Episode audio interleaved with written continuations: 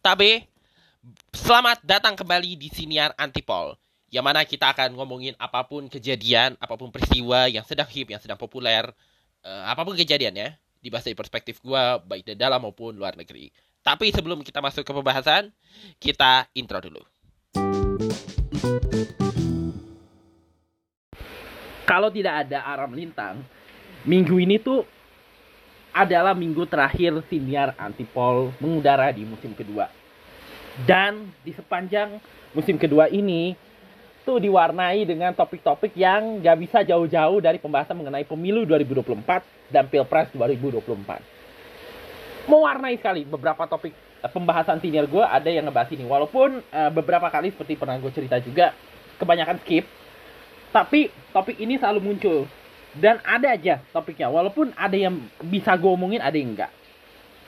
Dan di sepanjang musim ini juga uh, berlangsungnya uh, finalisasi atau pendeklarasian capres dan cawapres 2024 uh, sejauh ini sih baru capresnya sih. Dan tiga orang yang di semua survei di semua lembaga yang mengadakan jajak pendapat berkaitan pilpres selalu ada di nomor teratas akhirnya yang akhirnya diambil oleh partai-partai yang tentu memiliki kepentingan untuk mengusung capres dan cawapres mencalonkan mereka pada akhirnya. Dimulai dari Prabowo Subianto yang lebih dulu diusung oleh Gerindra. BTW Gerindra punya 78 kursi dan belakangan akhirnya ngajak PKB uh, punya sekitar 136 kursi dan akhirnya ya setidaknya secara per, uh, presidensi PT presidential threshold uh, memenuhi untuk bisa nyalon dan membentuk koalisi Indonesia Raya. Uh, dan gue bahas juga di sini hari ini. Ini adalah pencalonan ketiganya beliau. Terusnya gue pernah ngebahas Anies Baswedan yang akhirnya dicalonkan oleh Nasdem sebagai capres. Uh, terus kemudian akhirnya bisa membentuk koalisi bahkan jadi capres pertama yang sebenarnya capres kedua yang mengusung koalisi gitu. Tapi apa sih namanya kayak capres pertama yang secara uh, threshold suara nasional dan threshold perolehan kursi itu memenuhi dan bisa melampaui untuk nyalon sekitar 160 lebih dari Partai Keadilan Sejahtera, Partai Demokrat, dan Nasdem. Dan membentuk koalisi perubahan untuk persatuan. Yang mengusung Anies Baswedan sebagai capres. Dan sekarang, nah ini yang akan jadi topik utama kita. Walaupun bridgingnya agak lama ya. kita akan ngomongin soal Ganjar Pranowo. Yang akhirnya memperolehi tiket dari Partai Demokrasi Indonesia Perjuangan. Diumumkannya menjelang lebaran. Gua nggak tahu apakah memang uh, Megawati ini nanti kita bahas juga di belakang. Tapi ini akhirnya dia mendapatkan tiket setelah berjuang sekian lama walaupun populer tapi partainya dan beberapa elitnya cenderung tidak uh, tidak cenderung tidak terlalu mood untuk mengusung Ganjar ke, kemudian melalui opini media sosial dan mungkin melalui pendukungnya. Entah diketahui Ganjar ataupun tidak diketahui oleh Ganjar itu sendiri menaikkan uh, awareness terhadap Ganjar Pranowo. Kemudian perlahan dia mulai oh mungkin pada mulanya dia juga akhirnya mencoba untuk nurunin tensi sampai akhirnya terjadi juga walaupun melalui proses yang harus diakui agak menyakitkan.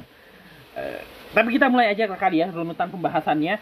Uh, seperti kita tahu bahwa minggu lalu sehari bertepatan dengan hari Kartini, sehari menjelang Idul Fitri, Partai Demokrasi Indonesia Perjuangan atau PDIP membuat kejutan, membuat surprise.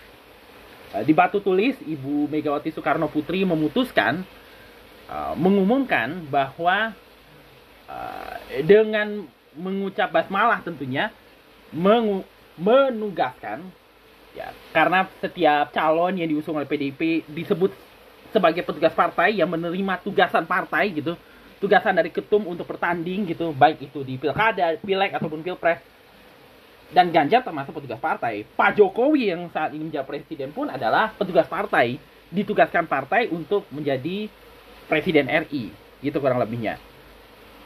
Ganjar pun demikian, mendapat penugasan uh, setelah dua periode gubernur akhirnya naik jadi capres. Uh, pencapresannya Ganjar ini sebenarnya tidak diduga-duga, tidak apa sih istilahnya kayak uh, sebenarnya sebagian sudah pah yakin bahwa uh, nanti juga walaupun uh, PDIP dan sebagian kadernya lebih menginginkan calon lain dalam hal ini Puan Maharani atau kader lain yang potensial untuk maju sebagai capres, uh, beberapa kalangan ngerasa bahwa toh juga pada akhirnya dia akan mengusung Ganjar juga gitu. Karena melihat daripada elektabilitas dan segala macamnya. Uh, tapi tentu bagi PDIP dan ter terutama untuk ketum ibu ketua umum Bu Mega itu tentu tidak cukup. Ya lu punya popularitas, ya istilahnya kalau lu punya popularitas tapi lu nggak ngerti ideologi, nggak apa sih namanya nggak ada kesetiaan terhadap partai dan kepada ideologi ideologi partai dan kepada konstitusi, ya sama aja. Kan konstitusi negara yang pertama kali disahkan kan juga adalah sebagai partai yang merupakan apa sih namanya kayak anak kandung daripada Partai Nasional Indonesia yang biasa Bung Karno tentu konstitusi yang lahir di saat Bung Karno dan juga ada andil Bung Karno di dalamnya tentu harus dipatuhi dan menjadi dasar uh, menjadi falsafah bagi setiap kader yang ada di PD Perjuangan dan ideologi partai yang bersandarkan kepada pemikiran Bung Karno sebagai pencetus Pancasila dan pencetus Undang-Undang Dasar 45 itu juga menjadi pertimbangan tentu bagi Ibu Mega tidak hanya soal popularitas. Kalau popularitas semua orang juga populer, tapi kan lagi-lagi soal ideologi. Nah, sampai kemudian muncullah uh, peristiwa uh, U20 yang gak jadi. Dan di mana Gajar ini termasuk yang uh, agak menolak walaupun sebenarnya dia sebenarnya juga masih berharap diselenggarakan. Cuma nggak usah lah ngajak-ngajak Israel gitu. Walaupun akhirnya tidak jadi kan si Piala Dunia ini digelar dan akhirnya tuan rumahnya sekarang diberikan ke Argentina. Walaupun Pak Jokowi juga berusaha keras. Dan itu juga sempat dibahas Tempo juga bagaimana manuver PDIP ini menjadi membuat akhirnya uh, kerja keras negara, kerja keras pemerintah gitu kurang lebihnya untuk mengupayakan supaya Piala Dunia U20 ini tetap berlangsung, akhirnya hambar gitu. Akhirnya gagal aja gitu. Tapi uh, tapi nampak ya di sana di LPDIP gak apa-apa gagal pemi gak apa-apa gagal Piala Dunia yang penting ideologi kita patuh terhadap prinsip ter, patuh terhadap apa sih namanya uh, pendirian gitu ya sikap bahwa konstitusi harus ditegakkan dan segala ideologi partai harus ditegakkan gitu membela nasib yang teraniaya. Kan salah satu konstitusi kita kan me, menyatakan kemerdekaan ialah hak segala bangsa gitu. Sedangkan Israel masih uh, dan memang fak, secara faktualnya juga memang masih melakukan apa yang dikatakan sebagai penjajahan terhadap Palestina gitu. Walaupun di sisi lain untuk kompetisi internasional mau nggak mau Indonesia harus nurut kan. Gue pas juga di sini kemarin di edisi Piala Dunia U20 yang terancam dan juga memang akhirnya gagal kan. Bahwa ya sebagai sebuah negara yang menyelenggarakan menyelenggarakan kompetisi internasional segala peraturan internasional harus dipatuhi oleh tuan rumah tersebut. Nggak bisa tawar menawar gitu dan keputusan FIFA untuk membatalkan itu membuktikan bahwa FIFA tegas dengan hal ini gitu kan. Dan semua negara masih patuh. Nggak ada tuh. Dan dalam hal ini ideologi itu kadang-kadang tidak akan pasti dikesampingkan ideologi setiap negara. Demi tentu kompetisi internasional. Itulah kenapa akhirnya apa sih namanya kata jadi nggak mengherankan ketika akhirnya Isra, uh, FIFA uh, akhirnya apa sih namanya Qatar men menuruti keinginan FIFA untuk supaya ban kapten LGBTQ diperbolehkan gitu dipakai oleh timnas negara tertentu ya karena ya don mau nggak mau Qatar harus mematuhi gitu kan yang berarti bahwa kekuasaan harus ada penurutan gitu terhadap badan induk internasional gitu. Setiap ada aturan kan harus tunduk gitu kurang lebihnya. Nah, lanjut lagi ke masalah si Ganjar ini, tapi akhirnya kelihatannya dari masalah ini sebenarnya ketika masalah ini muncul kan sebenarnya Ganjar ini masih nggak sampai kemudian uh, ke sebelum 21 April ini ke pengumuman Ganjar sebagai capres ini sebenarnya Ganjar tuh masih belum diperhitungkan sebagai capres. Walaupun uh, dia berjaya gitu ya. Kelihatannya dalam tanda kutip berjaya dengan misinya gitu untuk bisa mendapatkan tiket banteng. Nampaknya masih ada keraguan. Apalagi kelihatannya kubu Jokowi itu uh, nampaknya agak kecewa dengan sikap partainya yang menolak Piala Dunia U20 walaupun sudah diupayakan untuk agar bisa tetap terlaksana. Makanya muncullah uh, apa sih namanya yang namanya ide koalisi besar. Yang maksudnya adalah untuk bisa uh, kalau misalnya gagal si Ganjar nih gagal dicapreskan gitu, setidaknya gue ada gue ada orang lain nih, tapi mesti bareng-bareng nih nge pushnya Walaupun pada akhirnya PDIP melihat situasi terkini terhadap masalah Ganjar Pranowo dan terhadap dan kegagalan Indonesia pembatalan ketuan rumah Indonesia ini berdampis membuat publiknya jadi agak sentimennya agak sedikit negatif terhadap PDIP bertindaklah si PDIP dengan mencalonkan dan kemungkinan ini adalah bagian dari PDIP dan gak bisa dibantah juga sebagai upaya untuk menyelamatkan uh, mukanya PDIP yang agak tercemar dengan tindakan uh, keputusannya untuk memegang apa sih teguh dengan pendiriannya gitu. Terutama sekali mengenai masalah Palestina dan masalah Piala Dunia U20 ini. Walaupun banyak yang marah, unrespect dan sebagainya. Nah uh, walaupun menurut gua walaupun menurut gua pencapresan Ganjar ini sebenarnya kok tentu menjadi jadi pertanyaan. Dengan sekuatnya resistensi terhadap Ganjar gitu ya apalagi setelah peristiwa U20 kok masih bisa aja gitu Ganjar Pranowo dapet tiket. Karena publik juga masih berpikir setelah kejadian ini ah, mungkin paling juga tiketnya PDIP buat orang lain gitu untuk calon lain. Karena kan sebenarnya sebelum kemudian akhirnya PDIP mencapreskan Ganjar, mereka tuh sebenarnya punya opsi calon lain. Selain Puan Maharani juga sebenarnya kayak Tri Risma hari ini muncul, Budiman Suyatmiko juga muncul. Tapi akhirnya ya seperti yang lu lihat gitu kan, akhirnya tetap saja uh, mungkin juga dengan kayak diyakinkan oleh Pak Jokowi akhirnya hak pencapresan ini diberikan ke Ganjar Pranowo. Dan sebenarnya Ganjar Pranowo ini di sisi lain juga membingungkan ya kok bisa dia bisa punya elektabilitas tinggi? Sebenarnya kalau menurut gua ya ini menurut gua bukan gua tuh udah tahu lama Ganjar Pranowo. Bahkan dari masih beliau jadi anggota dewan cuma nama dia waktu itu nggak sebesar ketika kemudian dia jadi gubernur ketika dia jadi anggota dewan. Tapi intinya beliau dulu ini adalah anggota dewan terus kemudian sebagaimana beliau juga maju saat ini ya di Pilpres eh, ditugaskan oleh partai untuk maju di Jawa Tengah uh, mempertahankan pancinya PDIP di sana dan akhirnya pada akhirnya di, uh, dia berhasil gitu ya.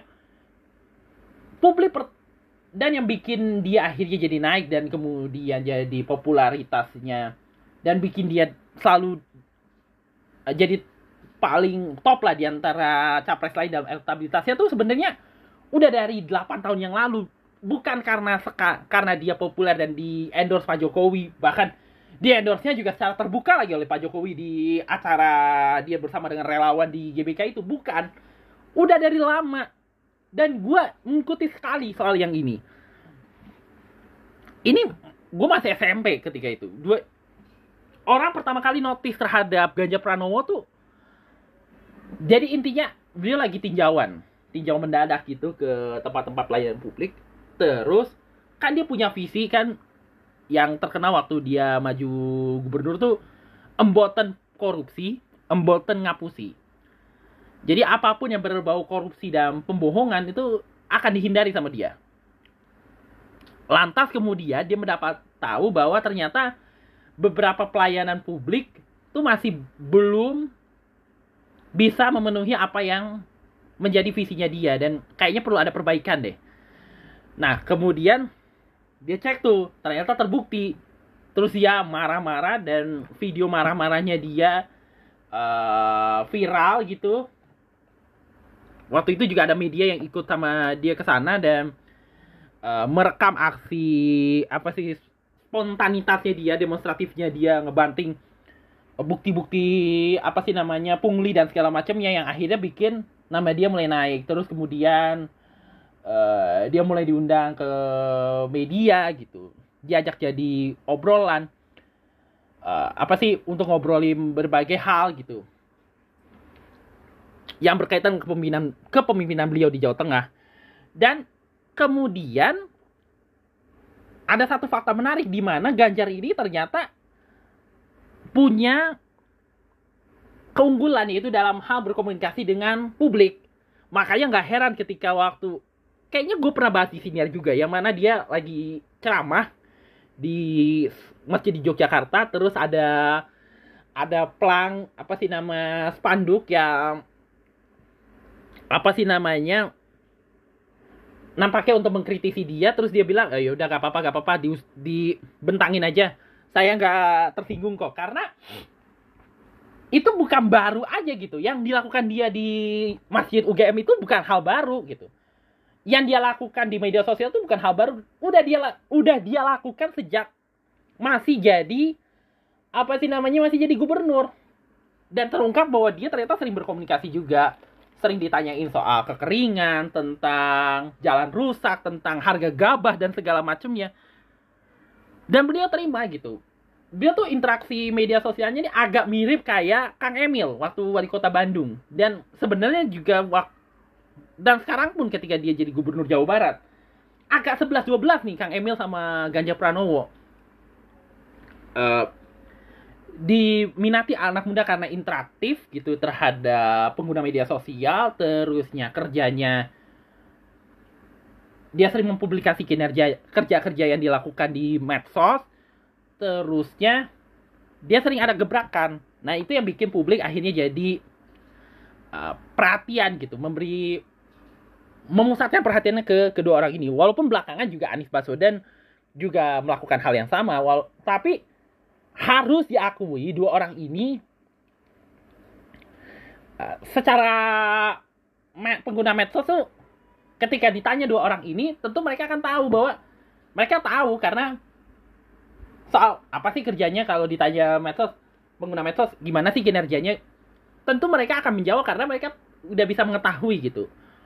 Uh, walaupun sebenarnya Pak Ganjar ini sempat ada sedikit miss sedikit berkaitan dengan masalah tambang penambangan pasir atau penambangan semen gitu di Rembang. Gue juga sempat ngikutin juga isunya.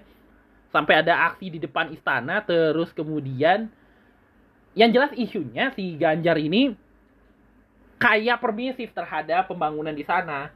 Padahal ada bukti, ada kerusakan, potensi kerusakan, nyerobot tanah adat dan segala macamnya. Tapi fakta miris berkaitan dengan sikap permisifnya beliau tuh ternyata nggak berpengaruh banyak terhadap citra dia kemudian yang membuat dia akhirnya bisa dua periode gubernur Jateng. Walaupun disambar dengan isu yang agak uh, memberi sentimen negatif ke beliau berkaitan dengan keberpihakan terhadap masyarakat adat gitu. Tapi karena mungkin publik yang ngerasa bahwa ya mungkin tuh ya namanya juga risiko pembangunan gitu kurang lebihnya. Ada yang bisa menerima tapi ada yang nggak bisa menerima juga gitu. Kan ini hal yang biasa lah pro kontra kan dalam setiap kebijakan. Uh, dalam setiap pengambilan kebijakan. Walaupun akhirnya pada kemudiannya si Ganjar Pranowo akhirnya tetap bisa menang juga kan dua kali eh, menang tuh periode kedua kan dan sekarang dicalonkan oleh PDI Perjuangan sebagai bakal calon presiden. Ya, untuk pemilu 2024 menghadapi Prabowo Subianto dan Anies Baswedan yang memastikan bahwa pemilu kali ini akan menggunakan strategi uh, biarpun dengan masih dibayang-bayangi dengan uh, wacana koalisi besar, uh, kemungkinan akan berhadapan dengan skenario tiga capres.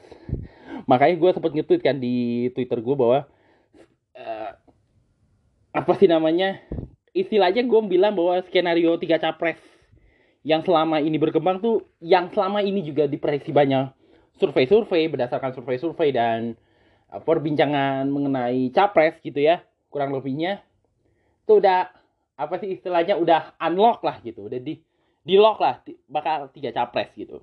Ganjar Pranowo Prabowo Subianto dan Anies Baswedan.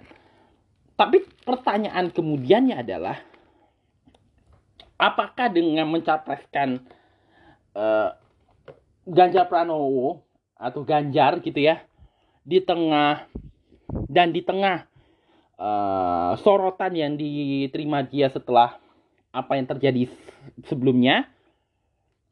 Sekalipun uh, Ganjar berhasil mendapatkan uh, pencapresan dengan caranya sendiri walaupun ya tadi gue bilang bahwa cara yang digunakan agak sedikit menyakitkan apakah akan membantu PDIP untuk mencapai apa yang dikatakan PDIP sebagai uh, kemenangan hat trick atau kemenangan kali ketiga gitu ya? Karena mereka sudah dua kali jadi jawara pemilu legislatif 2014 eh, dan 2019 atau justru dengan pencalonan Ganjar ini malah memicu fallback untuk PDIP dengan apa yang terjadi baru baru-baru ini. Ini tentu jadi misteri pada akhirnya kan. Uh, dan kita kalau kita flashback kembali gitu, uh, kilas balik lagi bahwa PDI kan sempat terbelah jadi dua ya gitu ya bahwa ada yang pro ke Ganjar, ada yang pro ke Puan Maharani elit PDIP lebih banyak atau kalau di kalangan elit terutama sekali yang um, apa sih namanya yang di dalam DPR gitu ya para anggota DPR itu cenderung lebih menginginkan Puan Maharani karena ya pertama-tama karena dia punya posisi yang cukup strategis gitu ya sebagai ketua DPR di saat bersamaan dia juga adalah bisa dibilang uh, apa sih namanya berpotensi jadi pemimpin masa bukan berpotensi jadi pemimpin masa depan ya kayak uh, punya posisi daya tawar yang lebih menarik gitu. Kurang lebihnya ya lu ngerti lah maksud gue kan. Sedangkan Ganjar walaupun punya popularitas yang modalnya dia dapatkan modal popularitas dari bukan hanya popularitas ya uh, disukai gitu ya dan menjadi apa sih istilahnya kayak gaya berkomunikasinya disukai dan juga punya modal elektabilitas dan sebagainya. Apa sih namanya? Tapi kan pada akhirnya yang tadi gue bilang populer aja nggak cukup gitu. Lu harus bisa buktiin bahwa lu punya visi yang sejalan dengan uh, garis uh, apa sih namanya perjuangan partai kan nggak cukup gitu ya popularitas nggak cukup harus juga punya garis perjuangan partai juga.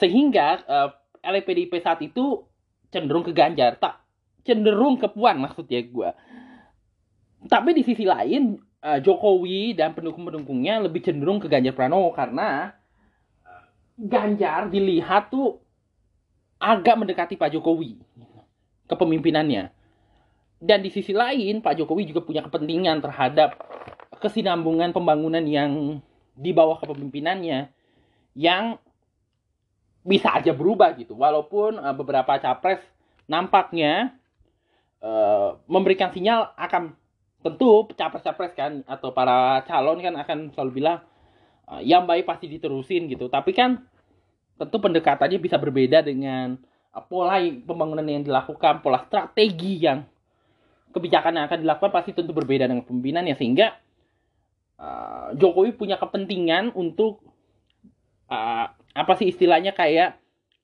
harus ada orang yang bisa dipastikan bis apa sih namanya punya kekuatan politik punya karakteristik yang kurang lebih sama walaupun tidak antara Jo antara cara Pak Jokowi memimpin, memimpin dan cara Ganjar memimpin curiga gua tentu berbeda walaupun sama-sama dari partai yang sama atau dan sama-sama dididik dengan pendidikan politik yang sama gitu kurang lebihnya tentu cara pemimpinnya tentu akan berbeda sekali dan sangat berbeda. Dan mungkin sangat berbeda juga. Uh, tapi yang dilihat Pak Jokowi itu setidaknya di bawah kepemimpinannya programnya akan aman-aman aja gitu. Nggak ada utak atik segala macem apalagi dengan sentimen yang dihadapi Pak Jokowi saat ini kan? Dan sentimen terhadap pemerintahannya walaupun tidak eh, sentimennya lebih banyak ditujukan kepada orang-orang di dalam pemerintahan yang bukan ke Pak Jokowinya secara langsung. Tapi sentimennya secara nggak langsung juga kerasa sama Pak Jokowi kan? Uh, jadi kelihatan Pak Jokowi punya kepentingan sehingga beliau kayaknya kelihatan mati-matian dan akhirnya tercapai juga. Tapi kan yang jadi problem kemudiannya adalah apakah kembali lagi ke pertanyaan apakah itu akan membantu PDIP untuk uh, bisa mendapat jaminan kemenangan tiga kali atau justru uh, sebaliknya malah jadi bebanan untuk PDI Perjuangan sendiri melihat apa yang terjadi baru-baru ini. Ini tentu masih menjadi perkembangan dan masih menjadi misteri. Tapi prediksi gue semua partai, semua capres saat ini menghadapi problematika, apalagi dalam penentuan calon, calon wakil presiden kan itu bergantung lagi bagaimana nanti ke depannya. Ini kan masih belum masa kampanye dan uh, pemilu juga masih bulan Februari. Tapi kalau kita berkaca pada pengalaman uh, pemilu-pemilu sebelumnya bahwa tidak selalu partai yang dua periode memimpin tuh akan menang lagi. Itu itu udah sejarah sudah mencatat hal itu. Dan itu sudah pernah terjadi pada Partai Demokrat. Uh, Partai Demokrat kan dua kali uh, pertama kali ikut pemilu udah bisa 50-an kursi terus di pemilu kedua jadi partai pemenang. Tapi di pemilu ketiganya mungkin karena tidak punya calon yang solid gitu ya uh, tur ditambah juga banyak kadernya kena kasus akhirnya tuh terjun bebas. Uh, terusnya di Amerika Serikat selalu gonta-ganti kan pemenang pemilu parlemennya kan. Uh, periode pertama Demokrat, habis itu uh, hari ini Demokrat, besoknya Republik, uh, terus ya di pemilu berikutnya Demokrat lagi yang jadi uh, pemimpinnya, terus kemudian Republik lagi, Demokrat lagi, presidennya juga begitu kan, dua periode di bawah Demokrat, terus kemudian jadi uh, dipimpin Republik, habis itu dipimpin Demokrat, dan sebagainya. Jadi uh, ditambah bahwa sejarah bahwa pemenang pemilu sejak 99 tuh juga nggak pernah pasti gitu. Kecuali uh, kalau PDIP harus diakui karena faktor Jokowi, harus diakui karena faktor Jokowi bisa dua kali menang. Uh, 99 uh, PDIP, terusnya 2000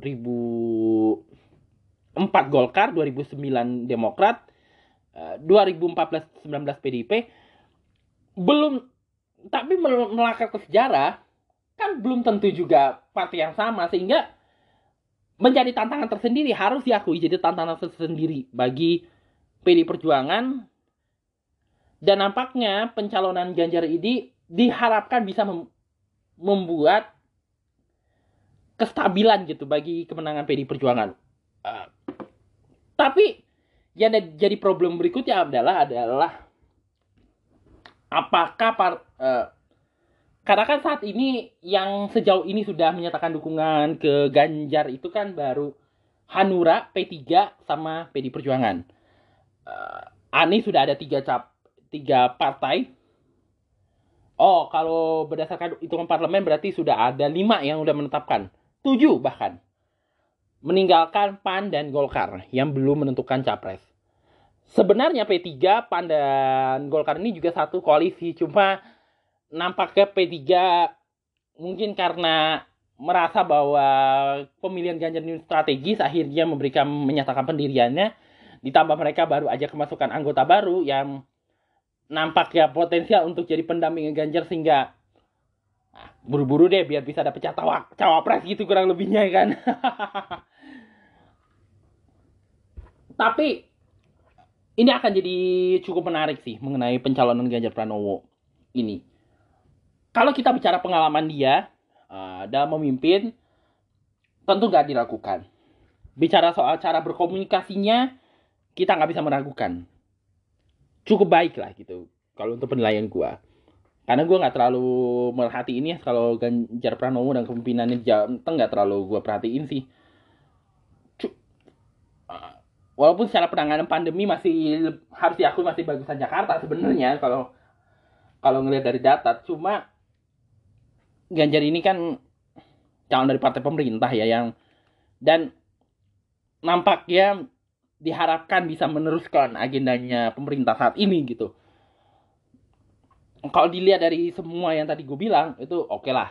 Tapi tantangannya apakah bisa memberi kontribusi kepada kemenangan partai? Tantangannya pertama Kedua, bisa menjelaskan kepada publik kenapa dia ber, mempunyai pendirian yang bertentangan dengan keinginan pemerintah. Padahal dia dari calon pemerintah dan dia di endorse oleh uh, Pak Jokowi yang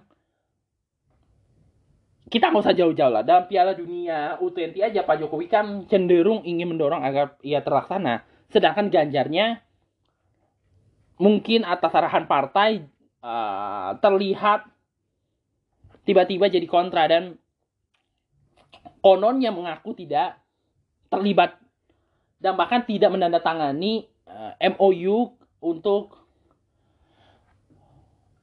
hosting penyelenggaraan Piala Dunia. Dari situ aja kelihatan perbedaan antara Pak Jokowi sama Pak Mas Ganjar kan.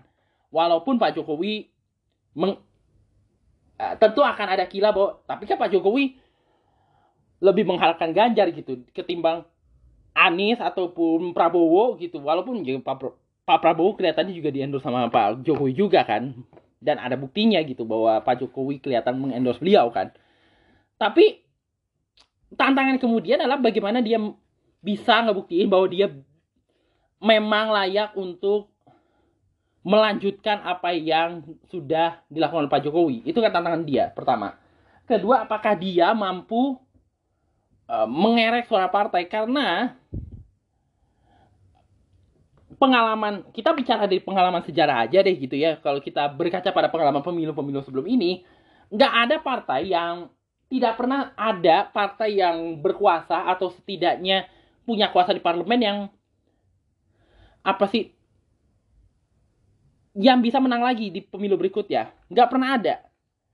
Dan kayaknya jarang kalaupun ada biasanya karena sesuatu yang spesial makanya kenapa kemenangan PDIP kok bisa PDIP bisa menang 2019 walaupun uh, sejarahnya membuktikan kadang-kadang nggak terlalu itu. Karena ya itu situasi spesial aja karena Pak Jokowi memang momentumnya lagi bagus. Di saat bersamaan juga lawannya satu Pak Prabowo juga agak harus diakui uh, dalam dalam uh, efektivitas kampanye juga agak blunder-blunder dikit sehingga dan memang harus diakui hal itu kan sehingga akhirnya memberi ruang lebih luas ke Pak Jokowi untuk uh, apa ya memenangkan persaingan kan. Nah tantangannya sekarang apakah itu bisa terulang lagi ketika Ganjar maju uh, di pilpres dengan bebanan-bebanan yang uh, beban bahwa kenyataan bahwa elektabilitasnya agak trennya agak menurun berdasarkan beberapa survei terakhir uh, terusnya walaupun dia masih nomor satu kan uh, terusnya PDIP nampaknya juga terus dapat hajaran dari para pengkritik terutama dari kalangan oposan yang unpolitis, oposan jalanan gue sering menyebutnya. Ini akan jadi tantangan kemudian bagi Ganjar Pranowo dan bagi pencapresan dia dan bagi PDIP juga ke depannya dalam menghadapi Pilpres 2024. Ditambah lagi bagaimana nantinya Ganjar mengakomodir suara uh, suara terutama dari kelompok Islam. Kita tahu PDIP uh, sam, setidaknya selepas kepergian Pak Taufik Kemas kan Pak Taufik Kemas kan dikenal cukup uh, pandangannya dapat pandangannya mengenai PDIP dianggap sebagai apa sih namanya tamengnya PDIP dalam berhadapan soal isu-isu yang miring mengenai PDIP dan Islam. Dan selama hampir satu dekade di bawah kepemimpinan PDIP itu uh, kelihatannya kurang mampu menghadapi tekanan-tekanan, terutama dalam hal uh, sentimen-sentimen negatif PDIP dari kelompok-kelompok Islam dan bagaimana hubungan PDIP yang memang harus diakui agak kurang baik dengan beberapa kelompok Islam tertentu. Bahkan dengan masuknya Pak Ma'ruf, Amin sebagai cawapres pun juga harus diakui agak kurang membantu banyak juga gitu. Dan justru malah makin membuat sentimen negatif uh, PDIP di kalangan uh, Islam yang agak left gitu ya, agak eh, live apa sih namanya? Agak right agak kanan dikit gitu ya. Dan kanan banget tuh meningkat sekali. Bagaimana caranya Ganjar ini bisa merangkul kelompok-kelompok Islam ini kan pada akhirnya? Sedangkan sentimen negatif ini kalau dibiarkan bisa jadi bumerang buat PDIP nah itulah kenapa apakah dukungan P3 ke depannya gitu lebih tepatnya ke Ganjar Pranowo akan membantu banyak akan membantu gitu PDIP untuk membantu Ganjar terutama sekali untuk bisa uh, setidaknya gitu membawa berdampak kepada peningkatan dukungan ke dia sehingga akhirnya bisa memenangkan pilpres atau justru sebaliknya. Itu kan tantangan berikutnya. Itulah kenapa uh, tentu ini akan menjadi tantangan-tantangan ini perlu dijawab oleh Ganjar dan PDIP sendiri dalam uh, dinamika pembahasan koalisi ke depannya dan bagaimana siapa cawapresnya dan sehingga harinya nanti pendaftaran capres ini yang tentu akan menjadi hari-hari panjang bagi Pak Ganjar dan PDIP dalam menentukan uh, selain koalisi yang akan dibentuk juga soal cawapresnya yang memastikan karena kan semua partai tentu ingin uh, calonnya menang gitu ya. Capres yang didukungnya bisa jadi pre, terpilih jadi presiden mendapat mandat rakyat untuk menjadi presiden dan memimpin Indonesia ke, setidaknya untuk lima tahun ke depan. Dan apa yang diasamkan juga tercapai. Tapi tantangannya lagi-lagi apakah itu dengan pencalonan itu akan membantu atau justru sebaliknya? Gitu kurang lebihnya. Tentu sampai di hari pencapresan nanti pencalonan presiden secara resmi ke KPU ini akan jadi tantangan. Bukan hanya untuk Ganjar Pranowo, tapi juga untuk Prabowo Subianto dan untuk Anies Baswedan. Dari hal cawapres ya, dari penggambaran visi misinya, bagaimana pendekatan kepada publiknya. Uh, karena kan presiden tidak calon presiden kalau mau menang pemilu kan tidak hanya mendekati suara yang menjadi uh, segmentasi pemilihnya, tapi kan bagaimana dia bisa merangkul kanan, kiri dan tengah gitu calon presiden yang beruntung dan berhasil uh, seorang presiden atau seorang capres tuh bisa dikatakan sukses kalau bisa menggait tiga orang tiga kelompok politik yang kebutuhan uh, pandangan politiknya dan uh, egonya berbeda-beda. Kalau cuma fokus pada satu atau dua kelompok aja tidak akan pernah cukup. Uh, kalau bisa bisa meraih suara dari tiga-tiganya tuh udah untung banget gitu kurang lebihnya dan ini yang akan jadi tantangan setidaknya sampai ke hari pencoblosan nanti. Dan itulah sedikit pembahasan panjang gua untuk uh, edisi kali ini. Uh, semoga ada manfaatnya kalau ada baiknya boleh diambil. Kalau enggak ya itu anggap saja sebagai racauan belaka gua. Dan kita akan bertemu kembali di edisi berikutnya yang juga sekaligus edisi terakhir dari musim kedua Sinian Atipol Analitika is Populer.